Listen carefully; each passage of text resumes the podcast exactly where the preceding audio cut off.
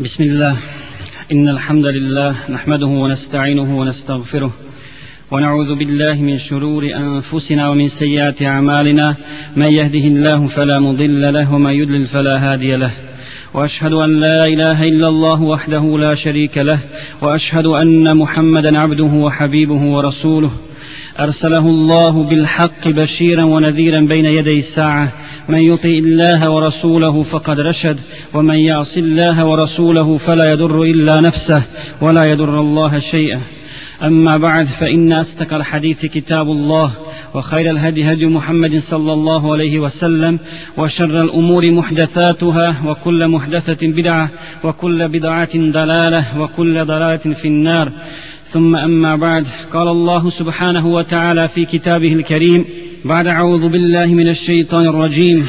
يا أيها الذين آمنوا اتقوا الله حق تقاته ولا تموتن إلا وأنتم مسلمون. وقال يا أيها الناس اتقوا ربكم الذي خلقكم من نفس واحدة وخلق منها زوجها وبث منهما رجالا كثيرا ونساء واتقوا الله الذي تساءلون به والأرحام إن الله كان عليكم رقيبا.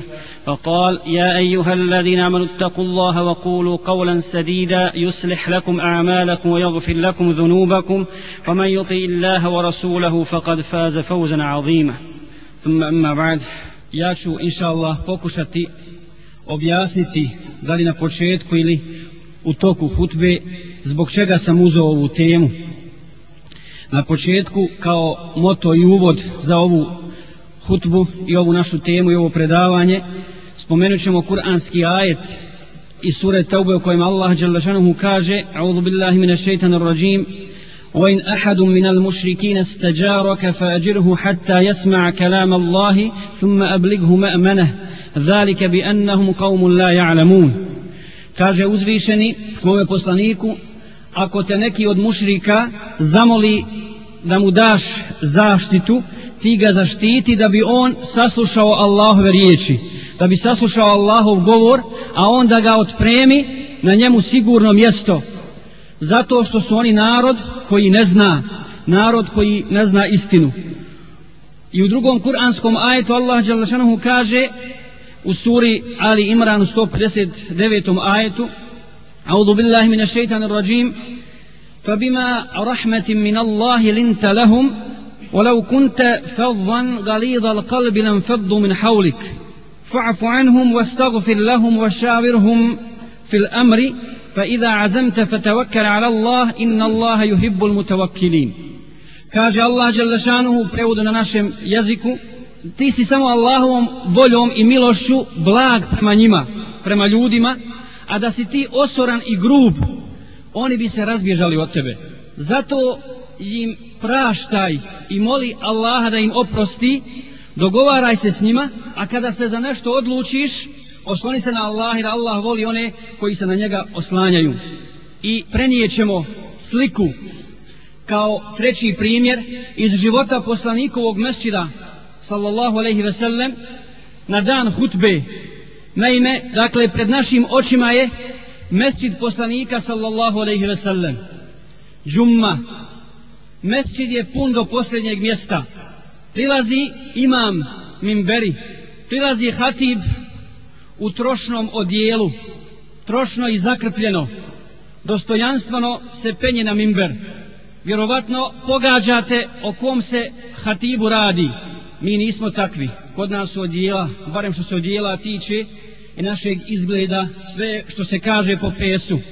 Odijela po najnovijoj modi, najnoviji krikovi mode i tako dalje. Međutim, kad se spomene ime ovoga hatiba, mene je stid zbog toga jer nismo ni slični ni nalik takvim hatibima i takvim mu'minima. Hatib je niko drugi nego Omer ibn al-Khattab. popeo se na mimber i govori u Ramazanu ljudima. Meleki su sklopili svoje suhufe i slušaju hutbu. I muslimani također ni da se ne čuje. I Omer upozorava muslimane na jednu stvar u Ramazanu govori im o jednom problemu koji se pojavio i koji on vidio kao problem. a to je veliki mehr koji ljudi potražuju za svoje kćeri ili koje žene traže za sebe prilikom udaje. I upozorava na to zbog toga što ima mnogo ljudi koji žele da se ožene a siromašni su i nemaju dovoljno imetka. Ne mogu da se ožene zbog tog mehra koji se od njih traži. Pa kaže Omer prisutnima o ljudi zašto pretjerujete u mehru? Resul sallallahu alaihi ve sellem i njegovi ashabi nisu tako postupali nisu tako radili i kod njih koliko ja znam mehr nije prelazio preko 400 dirhema. A da se u tome krije bogobojaznost mi ih ne bi pretekli. I ja mislim i naređujem da mehr ne treba da prelazi više od 400 dirhema pa je sišao Omer s bere i dočekala ga je žena iz Kurejša i rekla ja emirul mu'minin jel to ti zabranjuješ ljudima da uzimaju mehr viši od 400 dirhema? Kaže jeste. Kaže ja emirul mu'minin zar nisi čuo za riječi uzvišenog? Wa atejtum ihdahunne kintara.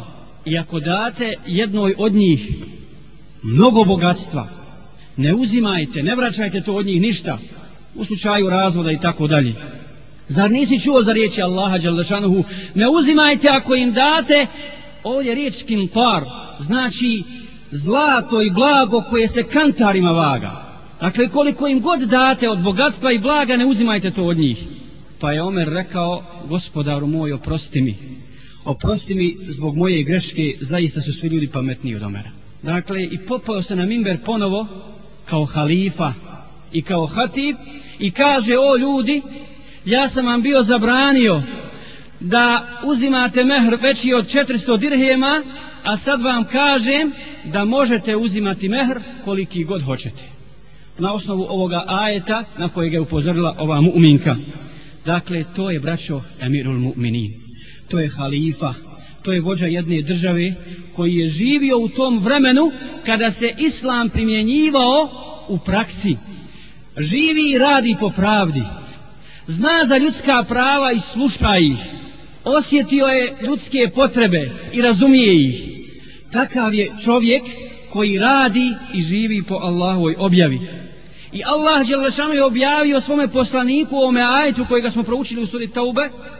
Kada ti neko od mušrika dođe, pazite, od mušrika, od onih protiv kojih se ti boriš, prema kojima nema kompromisa kad je njihov širk u pitanju, ali kada ti dođe sa nekom šubhom, sa nekim pitanjem, da nešto traži od tebe, primi ga, primi ga, saslušaj ga, pomozi mu, pusti ga neka sasluša Allahovu objavu, možda će primiti islam, možda će prihvatiti, kada lijepo sa njim postupiš, prihvatiti tvoj savjet. Ne ponižavaj ga, nemoj da osjeti kod tebe grubost i odbojnost, dakle sa svakim postupaj lijepo. Nemoj da očekuje od tebe zato što si ti poslanik i zato što si ti vladar, da čeka samo kad ćeš ga zatvorit, kad ćeš ga kaznit, i tako dalje. Dakle, iako borba protiv širka traje, ali ako dođe s takvom namjerom, onda ga saslušaj. I mnogobrojni su dokazi, braćo, o poštivanju ljudskih prava u islamu, a mi ćemo nabrojati i spomenuti samo nekoliko. Kao dokaz vrijednosti čovjeka, kao insana, kao Allahovog stvorenja, kao onoga koji je zadužen, zadužen na zemlji od Allaha sa najvećim emanetom, i koji će pred Allahom najviše odgovarati zbog onoga zbog čega je zadužen. Dakle, Kur'an nas i Islam uče da čovjek nije životinja.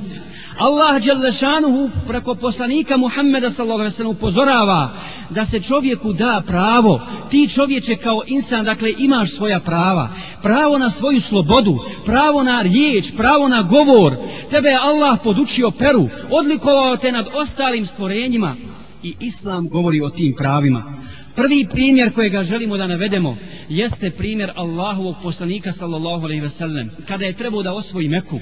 Resul sallallahu alejhi ve sellem je želio da ova stvar ostane tajna i nije je otkrio nikome osim pojedinim svojim ashabima. Međutim, jedan od tih ashaba, poslanika sallallahu alejhi ve sellem, je želio da obavijesti, čuo je za to i želio je da obavijesti svoje u Meki da se pripreme za to, da ne bi doživjeli nikakvih nezgoda obavijestio je i poslao je pismo i poruku po jednoj ženi koja je to pismo sakrila u svoju pletenicu, u svoje kose.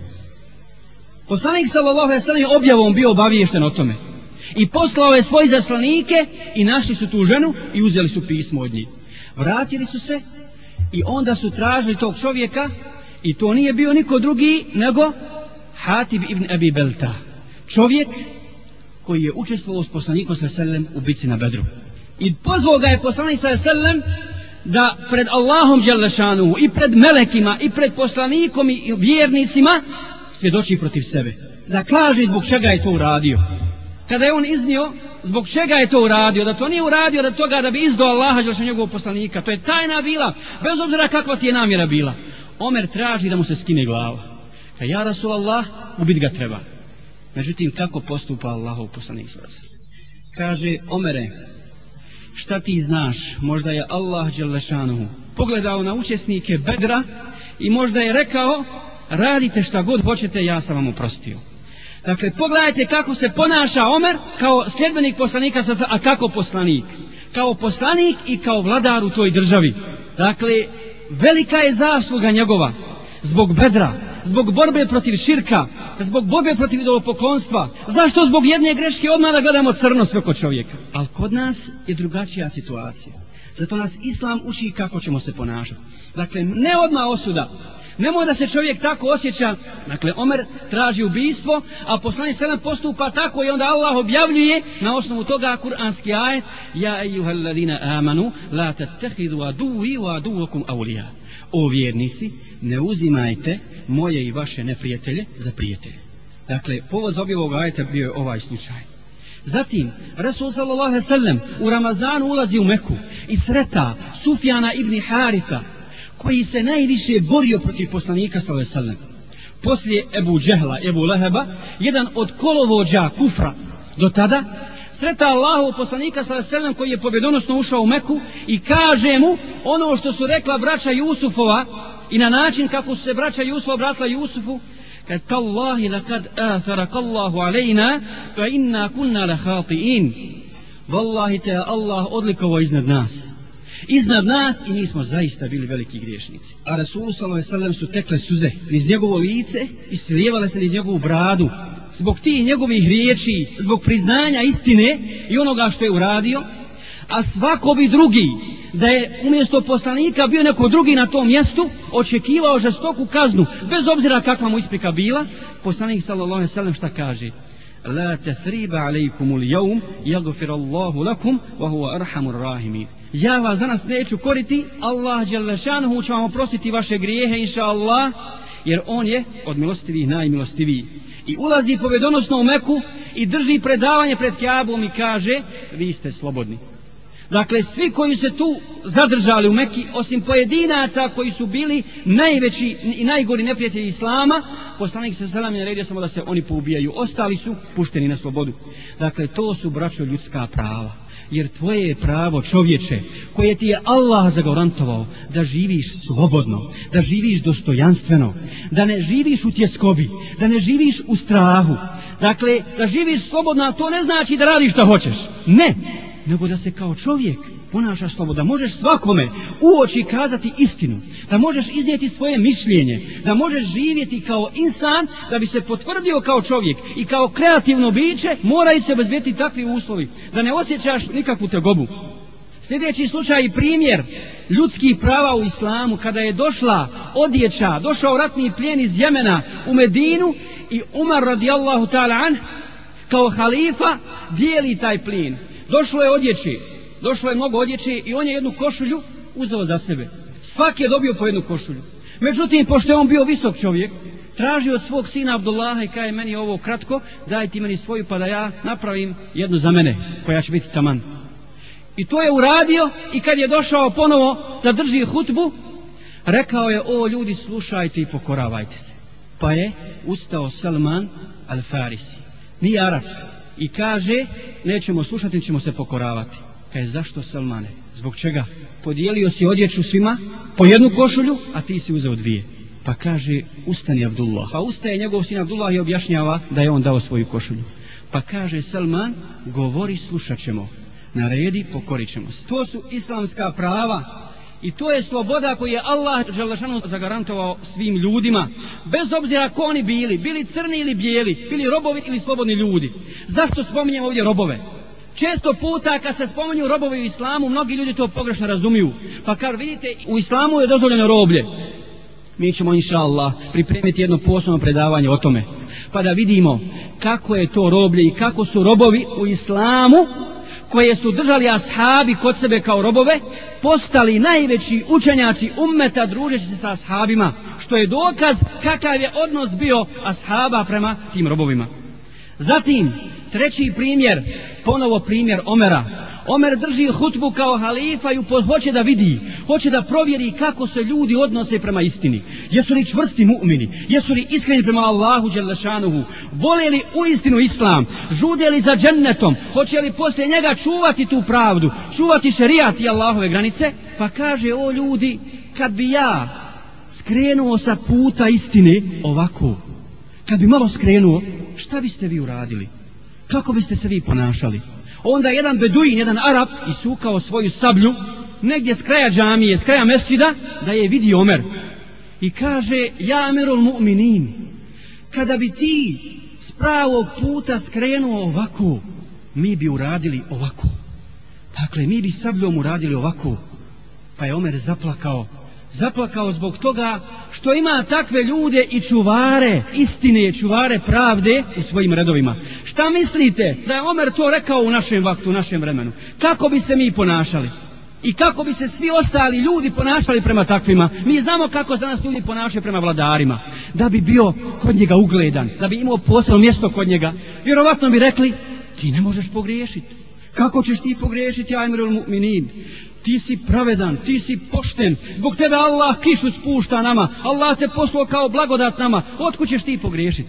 Međutim, ashabi Rasula sallallahu alaihi ve sellem govore drugačije. Dakle, to je ummet koji je ispravljao krivine. Kogod skrene, bez obzira o kome se radi, ako čovjek uradi zulum, kao vladar, kare, učinio si zulum, učinio si nepravdu, ako si pravedan, kaj, maša, neka Allah nagradi, ti si pravedan, ti si iskren. Dakle, to su ljudska prava kojima nas je naučio Allah, želaša njegov poslanik Muhammed sallallahu alaihi wasallam i ona važe za sve ljude. I molimo Allaha Đelešanu da se istinski vratimo u Kur'anu i sunnetu i onome što nam je Allah dao u Kur'anu i sunnetu kao blagodat. Alhamdulillah rabbil alamin Wassalatu wassalamu ala sunna Muhammedi wa alihi wa sahbihi ajma'in Draga braćo, veličanstven primjer ljudskih prava u islamu jeste slučaj Amra ibn Asa, odnosno njegovog sina, kada su muslimani osvojili Egipat. A u Egiptu su tada vladali, odnosno živjeli kopti, koji su bili kršćani, ali su bili ortodoksi. Nakon toga Rimljani su osvojili Egipat i dan danas ima jedna crkva u, u Kairu koja se zove Mari Đerđis, u kojoj se vidi i danas jedna velika sala gdje su katolici, dakle koji su rimljani, koji su pokorili ove, gdje su oni obavljali svoje molitve i u kraju te crkve jedna mala šupa gdje su ortodoksi obavljali svoje molitve. Ponižavali su i vrijeđali, bičevali, mučili i tako dalje. Nakon toga dolaze muslimani u Egipat i ovima je koptima laknulo. Drago im je bilo zbog toga. Međutim, jednoga dana sin Amra ibn Asa, se takmičio, utrkivao se sa jednim koptom i ova je pobjedio. Pa je sin Amra ibn Asa uzeo bić i udarao ga. Udarao ga žestoko i kaže pobjedio ti ili ne pobjedio. Ti si ponižen, a ja sam bolji od tebe jer ja sam sin plemenitih ljudi. Pa kad je vidio njegov otac ovaj prizor, kaže pogledaj. Koja god vlast dođe nama je svejedno. Svi nas ugnjetavaju. Svi nas biju. Svi nas tuku i vrijeđaju. Ako se požali Amr ibn u njegovom ocu kao namjesniku, neće koristiti, nego hoće da se požalim halifi Omaru. Pa je tražio da dođe halifa Omar u Egipat i došao je halifa Omar. Došao u Egipat i okupio ljude, zovnuo kopta i sin Amra ibn Asa i dao bić koptu i kaže mu udaraj sina plemenitih ljudi. Udaraj sina plemenitih ljudi. I ovaj ga je bičevao, vratio mu istom mjerom I onda se Omer obraća Amr ibn Asu, njegovom ocu, i kaže, o Amre, pogledajte vraću ovo, ova rečenica Omerova je ostala kao svjetiljka, kao svetionik da svijetli u tami, u tamnoj istoriji ljudskog roda, koja nije bila u znaku Islama. Kaže, koji su plaćali džiziju, koji nisu bili muslimani, a vidjet ćemo da je džizija bila u stvari za njih velika stvar. Nije bilo poniženje nikakvo. Plaćali su samo džiziju tome koji su mogli. Kada je to čuo Ebu Ubejde, šta je uradio? Okupio je kršćane, okupio je sve ostale koji nisu bili muslimani, koji su, od koji su uzmali džiziju i kaže im, o ljudi, mi smo od vas uzeli džiziju, a džiziju od vas uzimamo da vam garantujemo mir, da vam garantujemo slobodu, da vam garantujemo da vas niko neće napast. Ako vas napadne, mi ćemo vas braniti. Sada, kršćanski imperator prijeti i okupio je veliku vojsku. Veliku vojsku protiv muslimana, hoće ponovo da vrati šam. Ja vam ne garantujem ništa. Zato vam vraćamo vašu džiziju.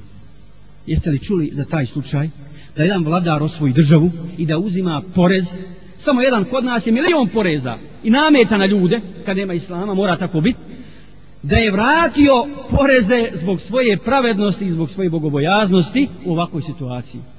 Pa su vratili džiziju ljudima dok ne vidimo šta će biti, kakav će izhod bitke biti. Kada su muslimani pobjedili, porazili Allahovom voljom Rimljane, porazili kršćane, vratili se ponovo u Šam pobjedonosno, šta se desilo? Svi ovi kojima je bila vraćena džizija, nisu vratili natrag džiziju namjesniku Abu Ubejdi. Zbog čega? Svi su primili islam. Poniženje je džizija kod ovakve pravde, kod ovakvog života, ovakve slobode i ovakve mogućnosti da se čovjek potvrdi kao ličnost i kao istinski Allahov rob, a ne bilo čiji drugi, osim gospodara svjetova, onda je zaista džizija poniženje. Uzimamo islam i prihvatamo život u islamu. Zbog čega su braća tako postupali ovi ljudi? Ni zbog čeg drugog, i to hoćemo da objasnimo ni zbog čeg drugog, nego zbog toga što se bojali Allaha Đelešanu. Nisu se bojali tih ljudi. Nisu željeli političkim varkama da, kao što danas rade vladari. Od istoka do zapada, posebno zapadnjaci, o koji mi toliko hvalospjeve čujemo od muslimana. Kako je kod njih demokratija, kako je kod njih pravda. Jest, možda je pravednije nego kod muslimana kad se muslimani ne drže islama. Ali, jedna stvar koja je bitna kod muslimana jeste ahlak njegov odnos prema ljudima i prema životu uopšte. Na čemu se temelji ahlak kod muslimana? Ljudi koji dolaze sa zapada kažu, ili kako je rekao Muhammed Abduhu, s čim riječima se ja ne slažem, kaže, otišao sam na zapad i vidio sam tamo islam bez muslimana. A u islamskim državama sam vidio muslimane bez islama. Ja se slažem s ovim drugim. Zaista danas u islamskim državama ima muslimana more koji nema i veze o islamu i se pridržavaju islamu vole sve više nego islam. Svaku drugu ideju, iako su poniženi s tim idejama, vole to više, više nego. S ovim prvim se ne slažem. Otišao na zapad i vidio tamo islam bez muslimana. Kakav islam bez muslimana? Zbog čega? Zbog toga što su kare pošteni u trgovini. Nećete prevariti, nećete zakinuti, poštuju ugovore i tako dalje. Jeste, ima toga kod njih, mi to priznajemo, ali ime čega to radi? Dokaz da to nije istinski moral i istinski ahlak jesu njihova osvajanja islamskih zemalja. Šta su uradili kolonizatori, Talijani, francuzi, englezi i sve ostale sorte kufra kada su osvojili islamski svijet? Jesu ponašali se kao što se ponašao Omer? Jesu se ponašali kao što se ponašao Ebu Bejde? Nisu vallahi. Nisu vallahi, nego to je ahlak iz koristoljublja. Ahlak i moral iz koristoljublja. Trebaš mi, ali oni to znaju rad zato što ne vjeruju u sudnji dan. Daj im samo dunjaluka. Termini koji su kod njih poznati, jes tehnika, nauka, materijalni napredak, tehnički napredak i tako dalje. Kod njih nećete čut za termine din i ahlak. Ima ovi stvari sitnih koji nas zanesu i liče na pravdu, ali to nije pravednost ni ahla koji je zasnovan na istinskom ubjeđenju i vjeru Allaha Đalešanu. Da jeste, ne bi ni danas radili, eto danas vladaju, a osim samo u ekonomiji, trebaš mi ti kao klijentela normalno, doćeš ti da mi kupiš, ja ću s tobom lijepo ponašat, da bi ti meni ponovo došao. Ja pokazu lijep ahlak i mašala ti došao, e ne, oni su pravedni, oni su ovakvi, oni su onakvi. Jeste kod ovakvih muslimana, lako je biti pravedan. Dakle, to je ahlak kod muslimana je zasnovan na čemu? Zasnovan je na odnos prema Allahu Đalešanhu. Pogledajte što kaže uzvišeni, mi smo naredili čovjeku da bude poslušan roditeljima svojim. Majka ga nosi, a njeno zdravlje trpi i odbija ga u toku dvije godine. I što kaže uzvišeni? E nišku li voli validej. Budi zahvala meni i svojim roditeljima. Allah kaže tako. Vidite, zbog čega je čovjek zahvalan roditeljima? Zbog toga što je zahvalan Allahu i njegov odnos prema ljudima, prema rodbini, prema roditeljima, prema živim bićima, prema životu je zasnovan na odnos prema Allahu Đelešanu. Druga je stvar, braće, što mi danas imamo muslimane i vladare u muslimanskim državama koji se odriču islama. Ne može islam danas predstavljati Saddam Hussein. Ne može ga predstavljati Gaddafi. Ne može ga predstavljati gradonačelnik Sarajeva Hamamđić. Ne može vallahi. Koji naređuje i traži da se kipovi iz Afganistana donesu u Sarajevo. Jer kaže, ja sam tradicionalno musliman. Ma veze ti u islamu ne Tradicionalni musliman iz muslimanske porodice i kaže to nema veze sa islamom. Jest. To što radi talibani. Ti onda ne znaš šta je islam. Kad su to muslimani počeli da štuju širk? Idolatriju i kipove. Pogledajte, vraću, koliko smo poniženi. Što to nisu tražili Hrvati? Što nisu tražili u Zagreb da donesu to? Svi su se digli protiv toga, protiv tog postupka Talibana. Ali što niko od kršćana, niko od židova, niko na Dunjaluku se nije podigo da traži te ekipove osim muslimana. Što muslimani su banovi? Zato što i muslimani ruše, jel? Povi se stide tog čina. Stide se to, što što, a ne stide se i ne grize na savjest što židovi prolijevaju svaki dan muslimansku krv, što ruše naše svetinje. Wallahi, da su se digli samo riječima, ne sabljama. Da brane muslimanska prava kao što brane idole Afganistanu. Ne bi židovi to radili. Ne bi židovi to radili. I zbog toga sam održao ovu hudbu. Dakle, ne zbog muslimana. Muslimani jesu takvi kakvi jesu. Ali zašto hvalimo druge zakone kad vidimo da su nas oni doveli do propasnu njaluku na ahiretu? I da nema pravde, to probali smo sve. Mi govorimo o islamu. Dakle, mi ne gledamo islam kroz ljude. Ne gledamo to kako se ti ponašaš, nego islam je sačuvan i sačuvat će ga Allah do sudnjega dana.